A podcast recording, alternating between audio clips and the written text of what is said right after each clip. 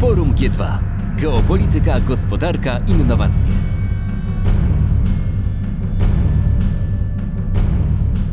Dzień dobry Państwu.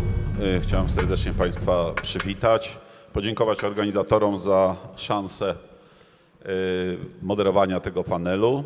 Tytuł panelu, tak jak Państwo widzą, jest to rewolucja przemysłowa, przemysł 4.0, nowa rola i sposoby pracy ludzi, maszyn i technologii. Przede wszystkim chciałem przedstawić pa- panelistów. Obok mnie siedzi pan Rafał Trzaska. Przepraszam, będę czytał, bo to nie nauczyłem się na pamięć ich e, osiągnięć i ról. Jest, e, pan Trzaska jest ekspertem Fundacji Platforma Przemysłu Przyszłości w obszarze modeli biznesowych. Jest doktorem nauk ekonomicznych specjalizującym się w zarządzaniu strategicznym i strategiach biznesowych. Jest także praktykiem biznesu i nauczycielem e, biznesu. Kolejną osobą jest pan Mateusz Milczanowski z krakowskiej firmy Axoma. E, Kilkanaście lat doświadczeń jako inżynier, przede wszystkim e, związany z rynkiem e, indus, in- Industrial Internet of Things, z wdrożeniami z zakresu systemów nadrzędnych i diagnostycznych dla maszyn przemysłowych.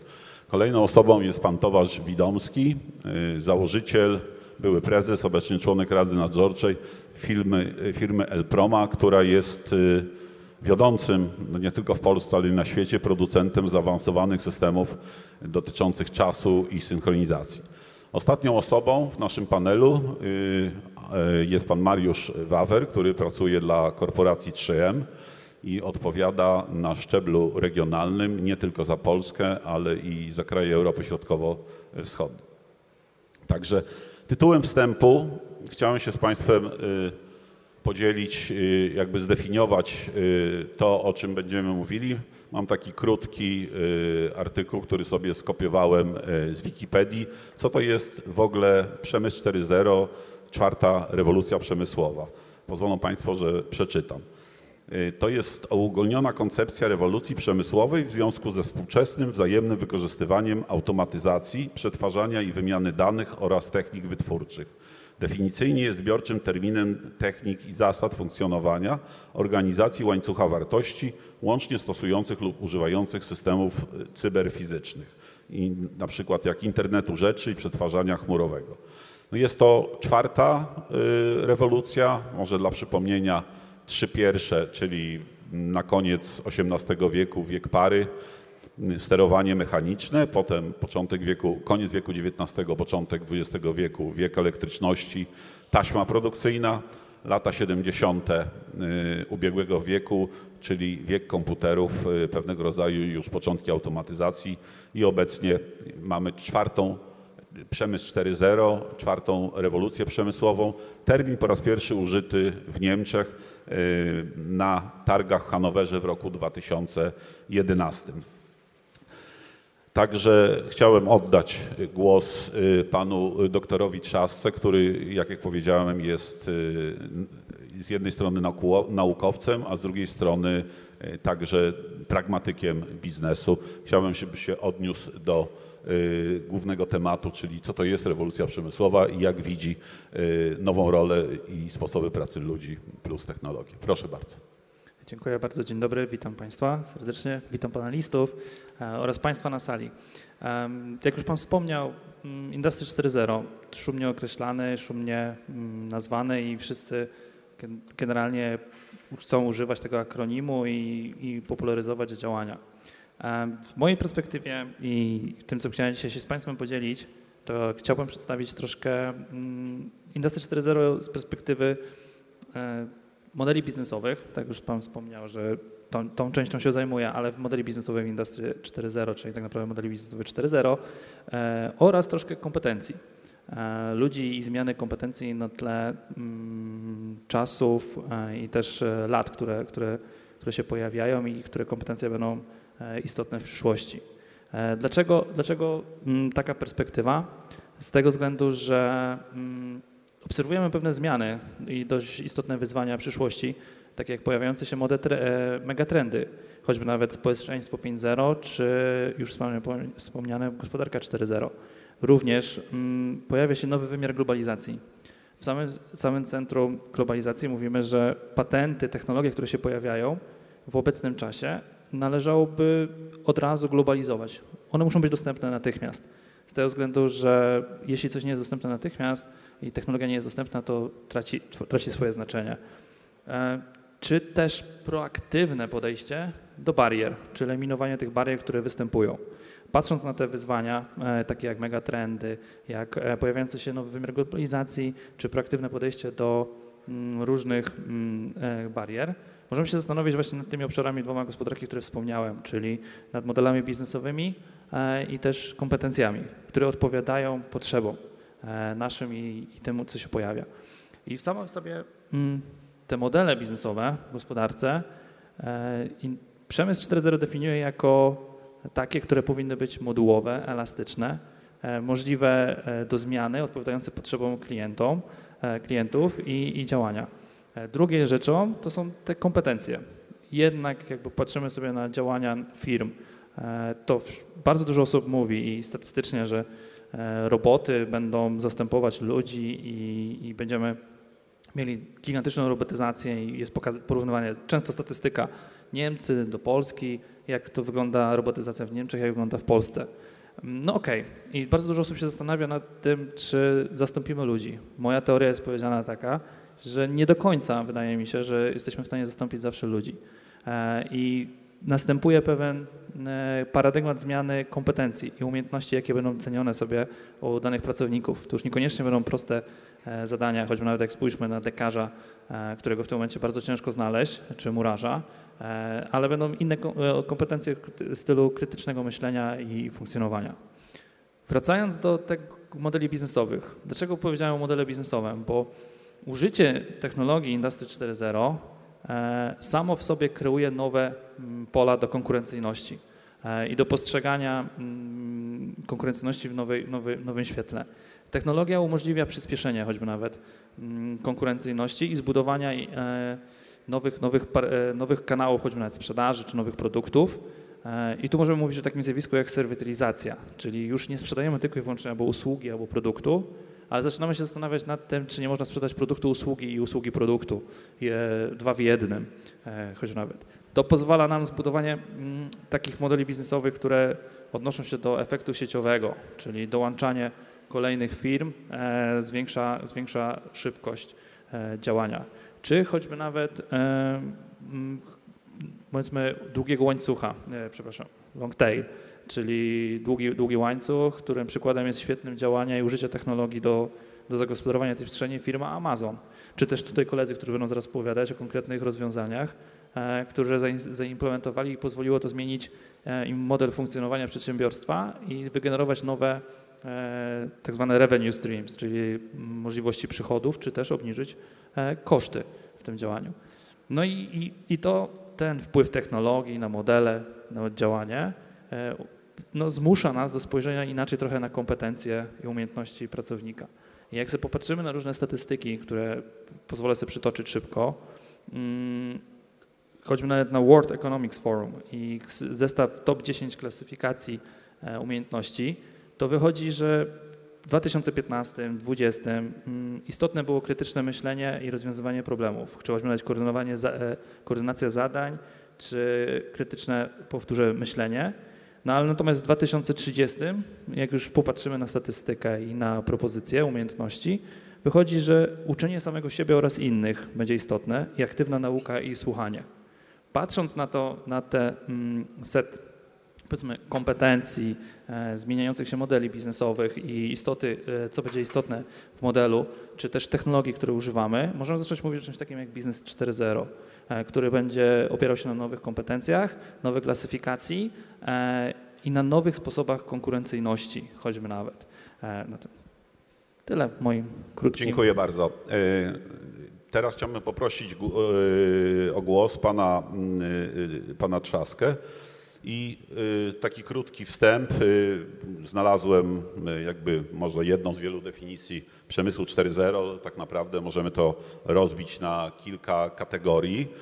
Na przykład autonomiczne roboty, big data i sztuczna inteligencja, rozszerzona rzeczywistość, dodatkowa możliwość produkcji, czyli 3, y, y, y, czyli drukowanie 3D, y, chmura, cyberbezpieczeństwo Industrial Internet of Things, y, pewnego rodzaju horyzontalna i wertykalna integracja łańcucha dostaw i y, symulacja. Pan jest ekspertem, pan wdraża, y, pan wie, co się dzieje w firmach. Czy mógłby pan się podzielić swoimi doświadczeniami z tego? Dzień dobry Państwu. Pozwolę sobie sprostować Milczanowski, Mateusz Pan Trzaskowski. Przepraszam, Nic się nie przepraszam. Nic się nie dzieje absolutnie. Przepraszam, to pan Mateusz Milczanowski, jeszcze raz firma Axona. Tak jest. E, Bardzo dziękuję za zaproszenie i możliwość e, udziału w takim zacnym wydarzeniu. E, Faktycznie tych obszarów technologicznych, e, które kryją się pod ogólnym pojęciem przemysłu 4.0 jest e, całe multum.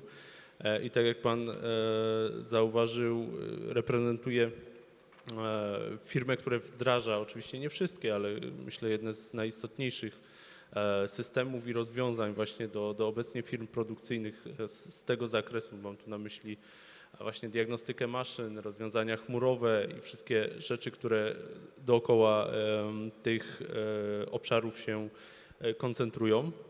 Natomiast chciałbym jeszcze, zanim przejdę do samego meritum związanego z, z, z technologiami, zauważyć jedną rzecz, że y, bardzo dużo teraz mówi się o przemyśle 4.0 e, i bardzo duży nacisk kładziony jest na technologię. Natomiast y, kwestią według mnie najistotniejszą, właściwie dwoma kwestiami, to jest po pierwsze kwestia zmiany pewnej mentalności e, osób, które mają być odbiorcami tych technologii, i po drugie przestawienie firm e, z pewnego dotychczasowego myślenia o wdrażaniu pewnych nowych technologii. E, Mówiąc o pracownikach, o osobach, które, e, które będą e, odbiorcami tych technologii, mogę powiedzieć, że zauważamy dosyć mm, spójny problem związany z tym, że sama technologia i korzyści, które z niej płyną, to jedno, niemniej osoba, która będzie korzystać z niej, musi się w pewien sposób e, otworzyć i niestety czasem przyznać również do pewnych e, błędów, rzeczy, o których myślała, że faktycznie one mają miejsce w zakładzie, a teraz dzięki temu, że zbierane są w szerokim zakresie dane, będzie to widoczne dla większej ilości osób. I to jest jedna z, w mojej ocenie i moich kolegów, e, bariera, która hamuje w dużym stopniu wdrażanie rozwiązań e, z zakresu przemysłu 4.0, ponieważ no, ludzka natura taka jest, że jednak nie lubimy przyznawać się do błędów, nie lubimy, e, kiedy jednoznacznie widać, że coś jest niedopilnowane. Nie będę tutaj wchodził w jakieś szczegóły i, i na konkretnych przykładach tego omawiał, ale no, to jest rzecz, która, mm, którą powinny jakby też osoby zarządzające w firmach w pewien sposób przygotować swoich pracowników do tego, że e, po wdrożeniu technologii pewne rzeczy będą e, jakby bardziej e, wytłuszczone i nie będzie się w stanie tego ukryć tak jak do tej pory. I to ukrycie nie, nie mówię tu o jakimś negatywnym formie i, i złym przekazie, po prostu to widać. I druga rzecz e, to są już e, właśnie nowe e, modele biznesowe, które powinny iść za właściwie wyprzedzając nieco, nieco pewne działania z zakresu przemysłu 4.0. E, A chodzi o to, że widać na rynku tendencję w tym momencie taką, iż duże międzynarodowe korporacje, one owszem są parę kroków przed naszymi rodzimymi przedsiębiorcami, za, właśnie w, wyprzedzając ich, jeżeli chodzi o wdrażanie technologii. Wynika to z prostej rzeczy, no, e, jednak duże koncerny po pierwsze dysponują e, odpowiednimi budżetami, zasobami do tego, żeby e, odpowiednie technologie wdrażać i też widać, że mm, część rzeczy zostaje narzucona przez centralę i ona jest tutaj odtwarzana e, jakby lokalnie w zakładach produkcyjnych. Natomiast e, no, polski przedsiębiorca zazwyczaj nie dysponuje tak dużymi środkami, które e, pozwoliłyby mu w szerokim i szybkim zakresie e, wdrożyć e, różnego rodzaju e, technologie. Dlatego w tym miejscu pojawia się właśnie kwestia związana z nowymi modelami biznesowymi. Mam tu na myśli modele biznesowe dostawców technologii, czyli osób, które mogą wdrożyć rozwiązanie, ale nie w klasycznym modelu biznesowym, to znaczy, nie wiem, zakup licencji, e, wdrożenie, uruchomienie, tylko w mojej ocenie powinno się to coraz bardziej kierunkować e, na wszelkiego rodzaju e, usługi SaaSowe, czyli software as a service i cała otoczka wokół tego, dzięki czemu będzie znacząco obniżona bariera wejścia związana z ekonomiką całego przedsięwzięcia, jak również nieco szersze e, upowszechnienie tych, e, tych technologii. I, I to według mnie jest e, pewna rzecz, którą powinniśmy sobie uświadomić, mówiąc o, o przemyśle 4.0 i odnosząc go do naszych e, tutaj lokalnych uwarunkowań. Dziękuję bardzo. Zanim posłuchamy pana Widomskiego, chciałem wpr- wprowadzić kilka zdań, że przemysł 4.0 i w ogóle ta rewolucja przemysłowa to nie jest tylko, y, jak mówimy 4.0, to także jest 5G i sztuczna inteligencja. Y, Maszyny i komputery pracowały już wcześniej. Tak naprawdę połączenie tych trzech rzeczy jest istotne. Jednym z y, ważniejszych sektorów, gdzie rewolucja przemysłowa nastąpi najprawdopodobniej, będzie energetyka. Także y, zadam y, panu Widomskiemu pytanie, a co będzie, jak to wszystko przestanie działać? Kiedyś y, powstała taki autor austriacki, Mark Ellsberg, napisał taką książkę Blackout, która była sensacyjnym thrillerem naukowym i wprowadzała w życie w jeden z najczarniejszych scenariuszy awarii energetycznej, której cichym sprawcą i niezauważalny był czas i jego synchronizacja w różnych systemach energetycznych. Krótkie pytanie, co będzie i albo jak się y, zabezpieczyć przed tym, żeby w ogóle cała ta rewolucja przemysłowa nie padła na przykład z powodu braku prądu, który jest krytyczny. Proszę. No, y, jednym zdaniem odpowiadając, y, jeżeli zabraknie prądu, to będzie koniec. I to nie poradzimy sobie ani w epoce przemysłu 3.0, jak i przemysłu 4.0. Dlatego cokolwiek powstaje w procesie ewolucji w stronę przemysłu 4.0 musi być naprawdę zrobione z przemyśleniem i z przewidywaniem kolejnych kroków, e, a przede wszystkim z dobrym zrozumieniem łańcucha powiązań, jakie, jakie, jakie tworzy m, proces produkcji, który musi uwzględniać e, dostawy, odbiór, logistykę, wymianę produktów, komponentów. To jest wszystko ze sobą połączone. E, Może zanim przejdę do, do szczegółów, żeby jeszcze e, o, odpowiedzieć na pytanie dotyczące energetyki, którą rozpoznajemy w przemyśle 4.0 jako ten najważniejszy filar, dlatego że bez tego filaru nie zadziała telekomunikacja piątej generacji, która ma być tą warstwą transportową zape- zapewniającą komunikację, wszechobecną komunikację o wystarczającym performance, o wydajności, która umożliwi komunikację wzajemną systemów. E, oraz oczywiście e, metodologią, systemami realizującymi e, regulację płatności. E, Może spróbujmy na przemysł 4.0 w ogóle spojrzeć e, z innej strony. W latach 80. na nasze biurka trafiły komputery, a, a w kilka lat później te komputery zaczęły sterować liniami e, przemysłowymi. Była to typowa interakcja człowiek-maszyna, human to machine. W kolejnych latach, końca lat 90. i, i początku tego milenium, mamy do czynienia z rozwojem technologii komunikacji maszyn, czyli M2M, Machine to Machine Communication. Natomiast przemysł 4.0 jest bardzo szerok, szerokim zagadnieniem, które ewoluuje z em, M2M w stronę System to System Communication. Tak naprawdę tworzy e, dziedzinę, która musi być skalowalna w poziomie, musi uwzględniać dołączanie nowych dostawców, nowych odbiorców, nowe produkty i to wszystko ze sobą wzajemnie współistnieje oraz kontraktuje w czasie. E, Dlatego planując przemysł 4.0 w nowoczesnej gospodarce, a takie gospodarki dzisiaj spostrzegamy i obserwujemy w Azji, ale oczywiście Stany Zjednoczone, Europa tutaj bardzo mm, próbują dorównać kroku rynkowi azjatyckiemu. E, Należy zwrócić uwagę, żeby ten, te filary bezpieczeństwa, na którym cała automatyzacja przemysłu ma być oparta, musi solidnie stać. I rzeczywiście energetyka jest tutaj bardzo wrażliwym e, e, elementem, dlatego że my dzisiaj cały czas funkcjonujemy w realiach energetyki jednokierunkowej. Tutaj było spotkanie wcześniej, panel dyskusyjny poświęcony e, bezpieczeństwu energetycznemu.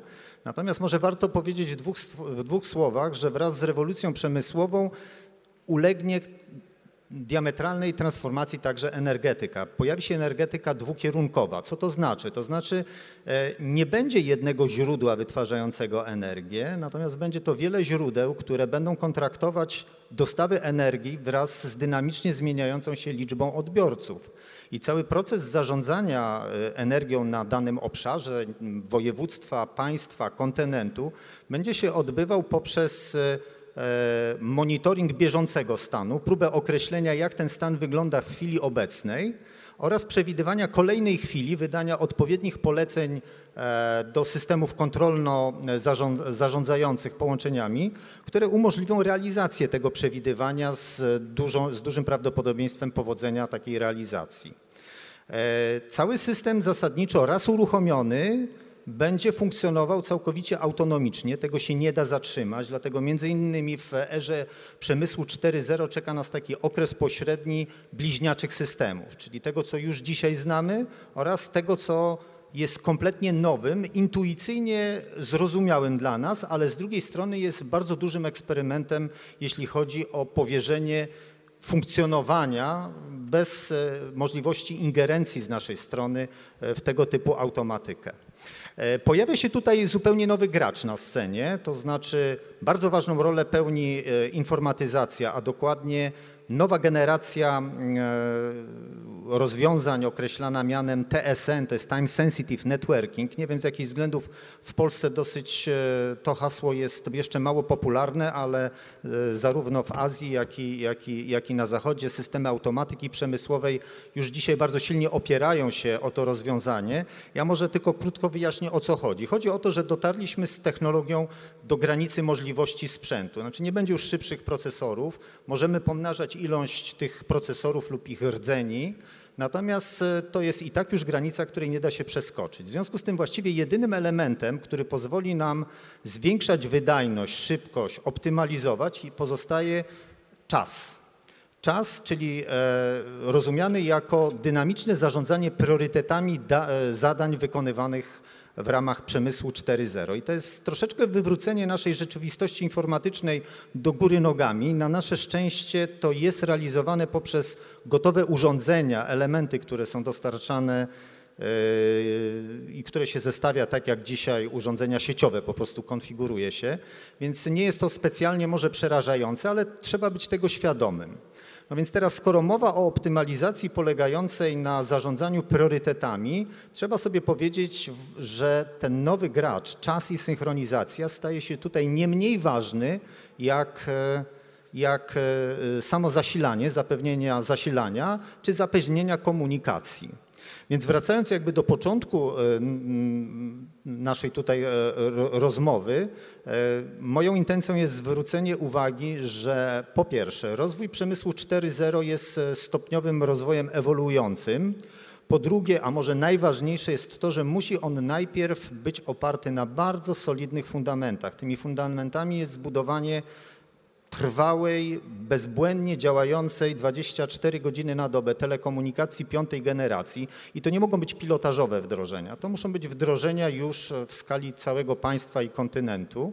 To jest e, realizacja kontraktowej energetyki dwukierunkowej Smart Grid, dlatego że w przypadku e, awarii pojedynczej elektrowni, oczywiście w Polsce istnieje plan e, awaryjny dostarczenia energii, ale dopuszcza on możliwości przerw w dostawie energii. Przemysł 4.0 zasadniczo nie dopuszcza takiej możliwości. Tu nie może się nic zatrzymać, bo w tym momencie paralizuje się gospodarka. Trudno jest nawet przewidzieć w, już w, zaawansowanej, w zaawansowanym stadium tej gospodarki 4.0, mm, jak daleko idące konsekwencje mogą być w przypadku, gdyby coś się wydarzyło, któreś z ogniw by nagle pękło.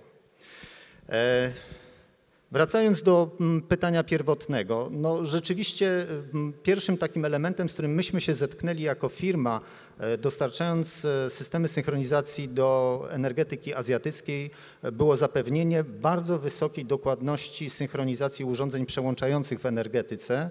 To są dokładności, i to może Państwa wręcz za, za, za, zaszokować ta informacja, to są, to są dokładności rzędu miliardowych części sekundy. Czyli proszę zwrócić uwagę, że na co dzień my w ogóle z tego typu dokładnościami nie mamy do czynienia, właściwie w ogóle nas one nie interesują. To, co widzimy na naszych telefonach komórkowych, to są jakieś tam e, dokładności dziesiątych części sekundy, a tu nagle energetyka zaawansowana wyskakuje nam z precyzjami, którymi kompletnie nie mamy wyobrażenia, jak krótki to jest odcinek czasu, a z drugiej strony dowiadujemy się ze specyfikacji producentów e, urządzeń energetycznych, że jest ona ekstremalnie ważna, bo to właśnie od niej będzie zależało, czy ta energetyka będzie stabilna, czy ona będzie niestabilna. E, Może, żeby zakończyć tę część e, mojej wypowiedzi, powiem Państwu, że z tą synchronizacją nie jest tak, tak łatwo i tutaj chciałbym przetoczyć taką anegdotę. Przed II wojną światową e, Polska e, już nadawała w pierwszym programie Polskiego Radia sygnał e, punktualnie o 12. E, Ten sygnał był nadawany oczywiście z Krakowa i za dokładność synchronizacji, to była dokładność rzędu pół sekundy, odpowiadał profesor Banachiewicz. I profesor Banachiewicz kiedyś jedna z francuskich gazet wysłała redaktora, żeby zapytać, jak to możliwe, że Polska osiągnęła przewagę w zakresie synchronizacji. Pół sekundy to jest naprawdę niesamowity wynik. Więc ten dziennikarz udał się do profesora, zadał mu to pytanie, a profesor Banachiewicz odpowiedział, no to bardzo proste, codziennie rano przechodzę po- m, koło sukiennic, tam e, się znajduje sklep zegarmistrzowski e, Schmidta, on ma szwajcarskie bardzo dobre zegarki, ja sobie reguluję swój zegarek, a potem jak dochodzi południe, to sobie w moje kowadełko pukam, w ten sposób dając dokładnie sygnał punktualnie 12. No więc dziennikarz poleciał do, do, do, do sklepu Schmidta szybciutko i zadał to samo pytanie. No, sklepikarz odpowiedział mu, no ale to jest bardzo proste. Codziennie o 12 włączam radio, nastawiam, e, słucham sygnału polskiego radia i tutaj profesor e, Banachiewicz nadaje bardzo punktualnie z dokładnością do pół sekundy sygnał, ja reguluję wszystkie zegarki. E, ta anegdota wysyła bardzo poważny komunikat. Potrzebna jest budowa stabilnej, e, działającej bez przerwy infrastruktury, która przygotuje cały nasz przemysł do wejścia w tę erę. E, Oczywiście wejdzie, wdrożenia będą stopniowe, e, natomiast ostateczny etap już przemysłu 4.0, jaki osiągniemy za co najmniej dekadę, będzie samofunkcjonującym mechanizmem e, realizacji przemysłu w Polsce. Panie Tomaszu, dziękujemy. No i przeszliśmy teraz do, ja bym tam powiedział, do krótkiego podsumowania wszystkich wypowiedzi, ponieważ pan Mariusz, który reprezentuje e, firmę 3M, generalnie e, pochwalił się mi w naszej korespondencji mailowej, że oni przemysł 4.0 wdrażają. E, Słyszał, e, co powiedzieli e, pozostali paneliści, trochę teorii, trochę o problemach przy wdrożeniu od strony wdrożeniowców, trochę o potencjalnych problemach, które mogą nastąpić, jeżeli y, przemysł 4.0, komunikacja 5G nie zostanie właściwie wdrożona. A jak to było w Państwa korporacji i czym się może Pan y, podzielić z nami, jeżeli chodzi o y, Wasze doświadczenia? Jak to wygląda tak naprawdę? Czym się teraz je i czy, tak jak powiedział Pan Widomski, za 10 lat ten przemysł 4.0 będzie automatyczny i bezpieczny?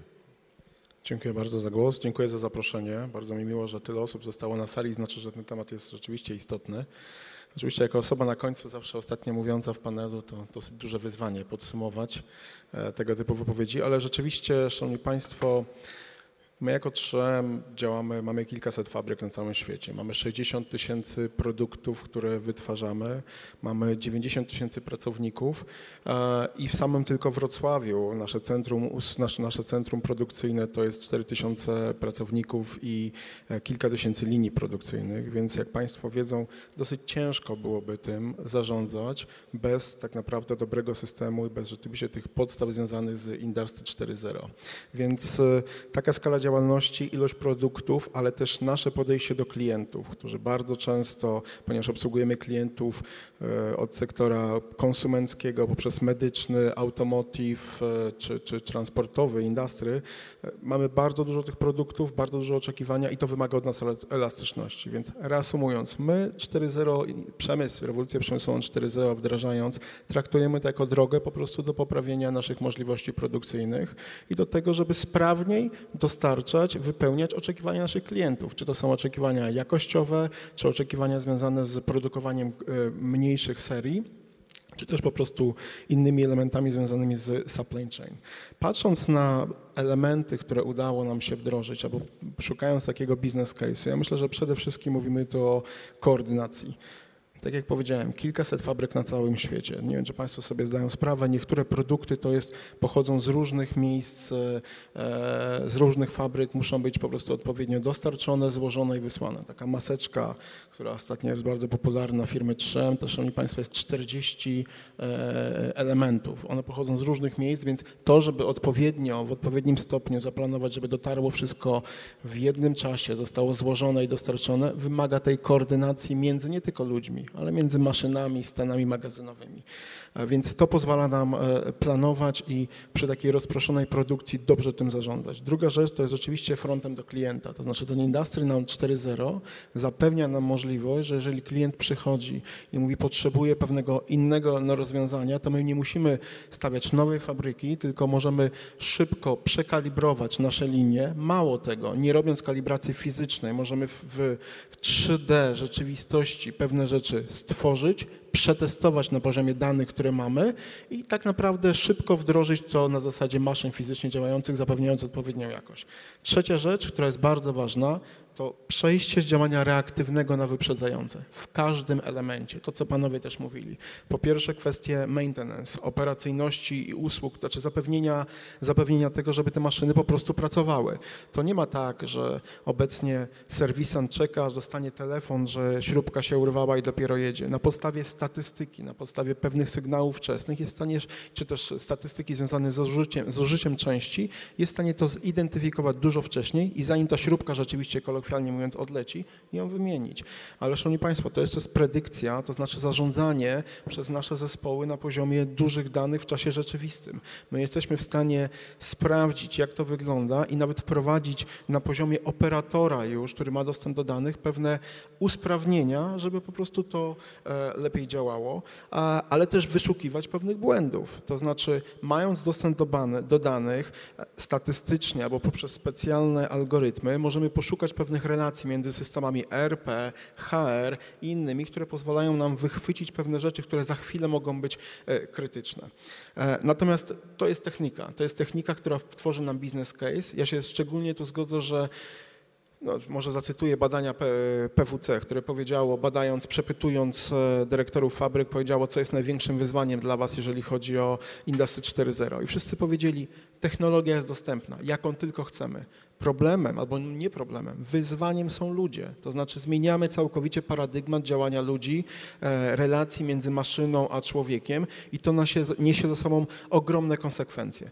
Dla nas to jest trochę taki system zarządzania zmianą, kiedy musimy przygotować od najniższego momentu, od dnia, czyli nie może decyzja zapaść na poziomie strategicznym tylko, bez uwzględnienia przy wdrożeniu tych wszystkich doświadczeń najmniejszych pracowników, znaczy operatorów czasami najniższego szczebla. Natomiast, Szanowni Państwo, poza tym, że musimy przygotować ludzi, to mówimy o całkowitym zmianie albo ewolucji e, tego, jak ci pracownicy będą pracowali, e, jaki będzie ich e, stosunek tych white do blue collars, czy w ogóle jakie będą zawody przyszłości. To jest ogromne wyzwanie dla firm, które muszą zapewnić, żeby inżynierowie cały czas się doszkalali. Znaczy inżynier w swojej działce przestał mieć już pracę na 10-15 lat. On musi rozumieć, co mówi jego kolega i musi się przystosowywać do technologii, która się zmienia. To jest jedna rzecz. Szanowni Państwo, teraz średnio w fabryce współczynnik white do, color, do, white, white do, do blue jest 20 do 80, za chwilę będzie 40 do, do 60, to znaczy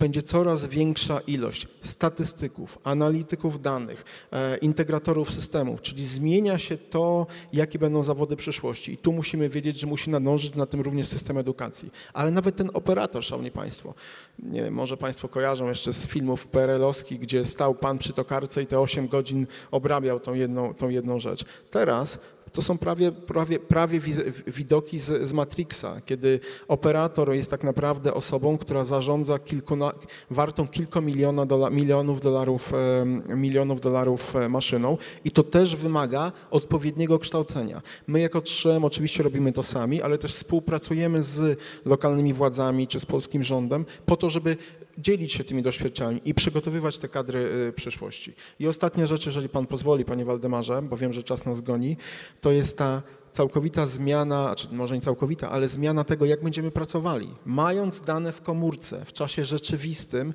my nie potrzebujemy już być, szanowni państwo, fizycznie w fabryce. Te same dane możemy by mieć w komórce siedząc w domu, czy w zupełnie innym miejscu, a jeżeli potrzebna jest interakcja ze sobą na, na, na, na miejscu, to chociażby u nas teraz w fabryce Trzem operatorzy mają to takie holy, holy, holy lensy, to są e, okulary z kamerką. On się łączy e, z inżynierem, który nadzoruje tą produkcję. Inżynier widzi, co się dzieje, mało tego, wysyła mu na te szkła odpowiednie instrukcje, więc Patrząc na to, co się teraz, szanowni państwo, stało w czasie COVID-u, może się okazać, że mieliśmy taką Industry 4.0 przemianę w trybie przyspieszonym, bo my to stosowaliśmy już. To znaczy, to się sprawdziło e, w praktyce, kiedy ograniczenia związane z obecnością tych ludzi w fabryce, w fabryce nie, nie, nie były problemem, który wymuszał na nas chociażby zas- zastopowanie tych fabryk. Dziękuję, bo widzę, że pan już tak Ja przytrzymuje dziękuję mikrofon. bardzo. Jeszcze ja mam, jeszcze na koniec panelu y, mam do każdego y, z panów po takim Czy ja mogę pytaniu. parafrazować do wypowiedzi y, rozmówcy No sprzed proszę, chwili? tylko To znaczy, szybciutko. tutaj padło bardzo ważne określenie. E, Chociaż jesteśmy w tej chwili w etapie wstępnym wdrażania, wkraczania w tą, w tą epokę przemysłu 4.0, tak naprawdę jej esencją będzie odbieranie informacji o stanie systemu, fabryki, zakładu danej chwili i przewidywanie tego, co się nastąpi za chwilę. Oraz taka optymalizacja e, działania, aby nasze maszyny pracowały, aby system produkcji był jak najbardziej wydajny. To jest esencja przemysłu 4.0, który często my, my gubimy się w ilości, że tak powiem, urządzeń czy, czy dóbr, które otaczają nas, a które są e, pewną, tworzą pewną symbolikę tego hasła, które dzisiaj jest jednym z najbardziej popularnych haseł e, komercyjnie na, na rynku. To dla informacji wyczytałem, że niedługo będziemy mieć 150 miliardów urządzeń podłączonych do sieci, także będziemy musieli je po prostu przerabiać. Mam takie króciutkie pytanie do każdego z panów, jeśli można by było króciutką odpowiedź tu y, do pana Rafała. Y, Czy przemysł 4.0 to będzie szansa dla wszystkich? Co mówi nauka? Które jakby dziedziny przemysłu, czy w ogóle dziedziny gospodarki zyskają, a które no może stracą? Jakby można było krótką Tak, odpowiedź. dziękuję jeszcze raz. Mm, tak, to będzie szansa dla wszystkich. To można powiedzieć przewrotnie, ten pierwszy, kto pierwszy, ten lepszy. I to ten najwięcej zyska, mm, ale z drugiej strony e, jak najbardziej mm, trzeba popatrzeć choćby na te dziewięć obszarów, które już Pan wymieniał, e, które, które się popularyzują. E, No ale też warto odnieść się do krzywych rozwoju danych technologii i do tego choćby nawet blockchain. Znamy wszyscy technologię. Blockchain został wynaleziony już ho, ho, ho, ho, ho czasu temu, a do tej pory przy, przy e, walutach wirtualnych dopiero został spopularyzowany. Technologia już długo działa. Druk 3D również, tak? Dopiero teraz materiały i mikroprocesory, o których tu już mówili panowie, umożliwiły wykorzystanie e, tego na masową skalę i do, do, do, doprecyzowanie. Choćby nawet panowie mówią o przewidywaniu, co będzie się działo z maszynami, tak zwany predictive maintenance. Predictive maintenance to czysta statystyka, jakby nie patrzeć i wykorzystanie narzędzi statystycznych e, dzięki właśnie tego przesyłaniu danych, jakby patrzeć. Tych obszarów możemy wymieniać, wymieniać, wymieniać. Jedną fajną rzecz chciałem zauważyć, którą wszyscy tutaj poruszyli, e, chcąc, nie chcąc, nie wiem czy to było, nie umawialiśmy się, żeby była jasność. E, modele biznesowe, które wszyscy powiedzieli, że zmiana troszkę podejścia do klienta i do, do, do odbioru i do za- zarządzania łańcuchem dostaw i pozostałych rzeczy i ludzie i kompetencje ludzi. Tak, i otwartość ludzi na zmiany. E, Dlatego też o tym gdzieś tam wstępnie troszkę e, mówiłem, więc zachęcam do bycia otwartym, e, w szczególności do uczenia się nowego, bo to nam pomoże. Dziękuję. Dziękuję bardzo. Do pana Mateusza mam takie pytanie, znaczy miałem dwa pytania, ale na jedno tak odpowiedział, ale może jeszcze wrócę. Dotyczące wdrożeń, y, gdzie jest łatwiej wdrażać, jeżeli ma doświadczenie w mniejszych czy większych firmach? I drugie pytanie, y, y, w jakiej perspektywie czasu te firmy, które, których Pan wdrażał, odczuły plusy bądź minusy tego wdrożenia? Czy one widzą te wdrożenie, znaczy plusy bardzo szybko, czy to zajmuje czas? Jaka jest Wasza, nie wiem, strategia marketingowa? Co im obiecujecie? Jakby można było parę zdań na ten temat. Staramy się nie obiecywać, tylko robić, ale e, generalnie jeżeli chodzi o, o, o zwroty z e, inwestycji, to, to bardzo dużo zależy od tego, o jakim obszarze mówimy, bo e, wymieniany tutaj predictive maintenance jest akurat taki, taki obszar e, przemysłu 4.0, gdzie mm, może być tak, że przez rok nie wydarzy się nic i klient będzie rozczarowany, że wydał pieniądze, a dalej czeka. A może by- być sytuacja taka, że w drugim czy trzecim tygodniu po e, inwestycji system podpowiada, że zaczyna dziać się coś niedobrego z maszyną i e, unikamy bardzo kosztownej awarii. Dla, dla przykładu mogę przytoczyć e, pewien przypadek, kiedy, kiedy klient dokładnie w drugim albo trzecim tygodniu od wdrożenia systemu e, uniknął awarii na system kosztował 20 tysięcy e, złotych, a uniknął awarii na rządu 300-350 tysięcy złotych. Więc to jak zawsze to zależy, kiedy dana technologia się zwróci i o jakiej konkretnie mm, e, sytuacji mówimy. Także tutaj bardzo ciężko to powiedzieć. Natomiast jeżeli chodzi o pierwsze pytanie, Było pytanie, gdzie łatwiej, to już Pan po części łatwiej. odpowiedział w swojej takiej Tak. podstawowej części, że w dużych firmach jest łatwiej, ale może jakby Łatwiej. Mhm. myśl, żeby rozwinąć.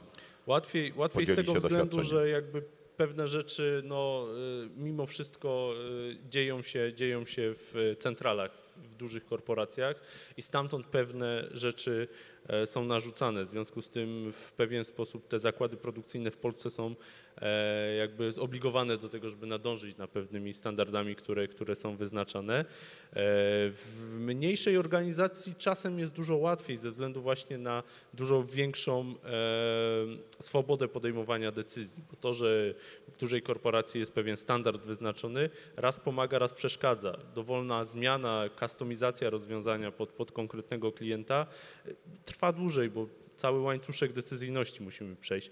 U małego producenta w polskiej firmie często osobą, która jest właścicielem projektu, jest równocześnie prezesem bądź właścicielem firmy i to on skupia jakby decyzyjność w, w swoich rękach, więc e, zależy z której strony spojrzymy, e, to, to troszeczkę będzie się ta odpowiedź różnić, gdzie jest łatwiej.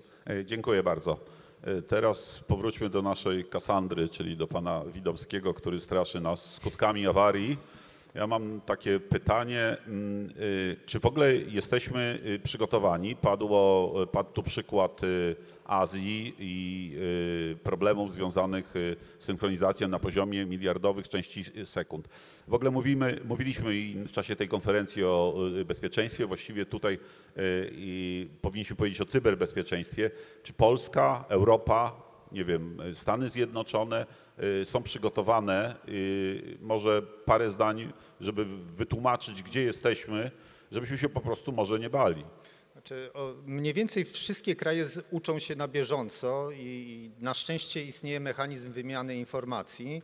E, takim dobrym przykładem może być e, realizowany w Unii Europejskiej projekt e, Horyzont 2020. Prowadzone prace w ramach tego projektu, które miały za zadanie rozpoznać pewne problemy związane z wdrożeniem przemysłu 4.0, pokazały i wysłały sygnały ostrzegawcze na rynek amerykański, gdzie system właśnie energetyki, tej nieszczęsnej energetyki, od której tak naprawdę wszystko zależy, bo ona jest królową. Bez prądu niczego nie zrobimy, wszystko stanie. E, Systemy sztucznej inteligencji, które miały kontrolować pracę tego, tego systemu, on, on się tak nazywa WAMPAK, e, zostały opóźnione i, i pozostawiono ten system w takiej pracy półautomatycznej, lepiej testując rozwiązania. Może o co chodzi? E, Jednym z takich najbardziej szok- szokujących rzeczy, mm, e, jakie dowiedzieliśmy się w, w ostatnich latach, jest to, że mamy w automatyce zjawisko geopolityki. No ktoś mógłby zapytać, o co chodzi z geopolityką w technice.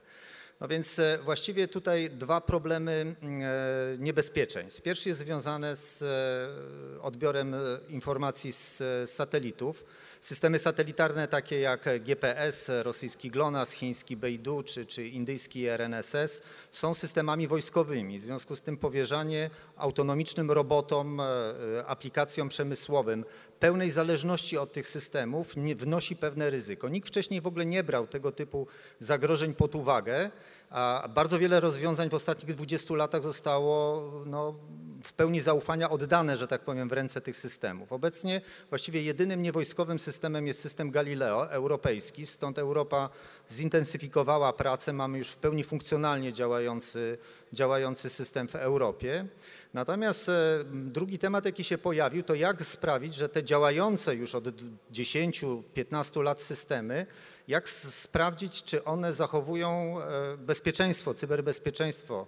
No i tutaj okazuje się, że też świat nie był do końca przygotowany. Powstają procedury kontroli i audytów tego typu istniejących systemów, dlaczego że, że w naturalny sposób zainwestowane pieniądze w już istniejące rozwiązania będą skłaniały nas, żeby, żeby utrzymać część systemów, które zostały wdrożone w ostatnich latach i rozwijać je w, w ramach e, m, rewolucji przemysłowej czwartej generacji. Innym zagadnieniem zupełnie niezależnym od technik satelitarnych jest kwestia globalizacji produkcji. Znaczy elektronika jest wszechobecna, w tym mikrofonie prawdopodobnie mamy mikroprocesor i, i, i, i cały problem polega w tym, że tak naprawdę nikt nie jest dzisiaj w stanie powiedzieć, nawet jeżeli jest on produkowany przez renomowaną firmę, czy część elektroniki powstawała w Chinach. To nie jest wcale takie oczywiste, jak jeszcze było kilka lat temu.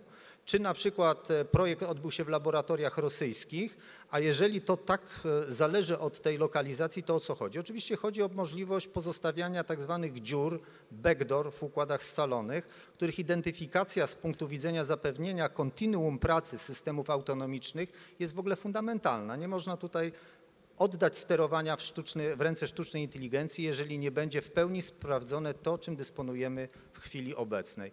Na koniec jakby podkreślę, no to nie jest tylko mowa o przemyśle, e, jaki znamy. To jest przede wszystkim wdrożenie rozwiązań e, technologicznych, e, które mają poprawiać stan naszego zdrowia, wspomagać nasze życie codzienne. To jest telemedycyna, więc no, nikt z nas nie chce, aby rozwiązania, którym powierzamy nasze zdrowie i życie w jakiś sposób stały pod znakiem zapytania, czy one są pewne, czy one są niepewne.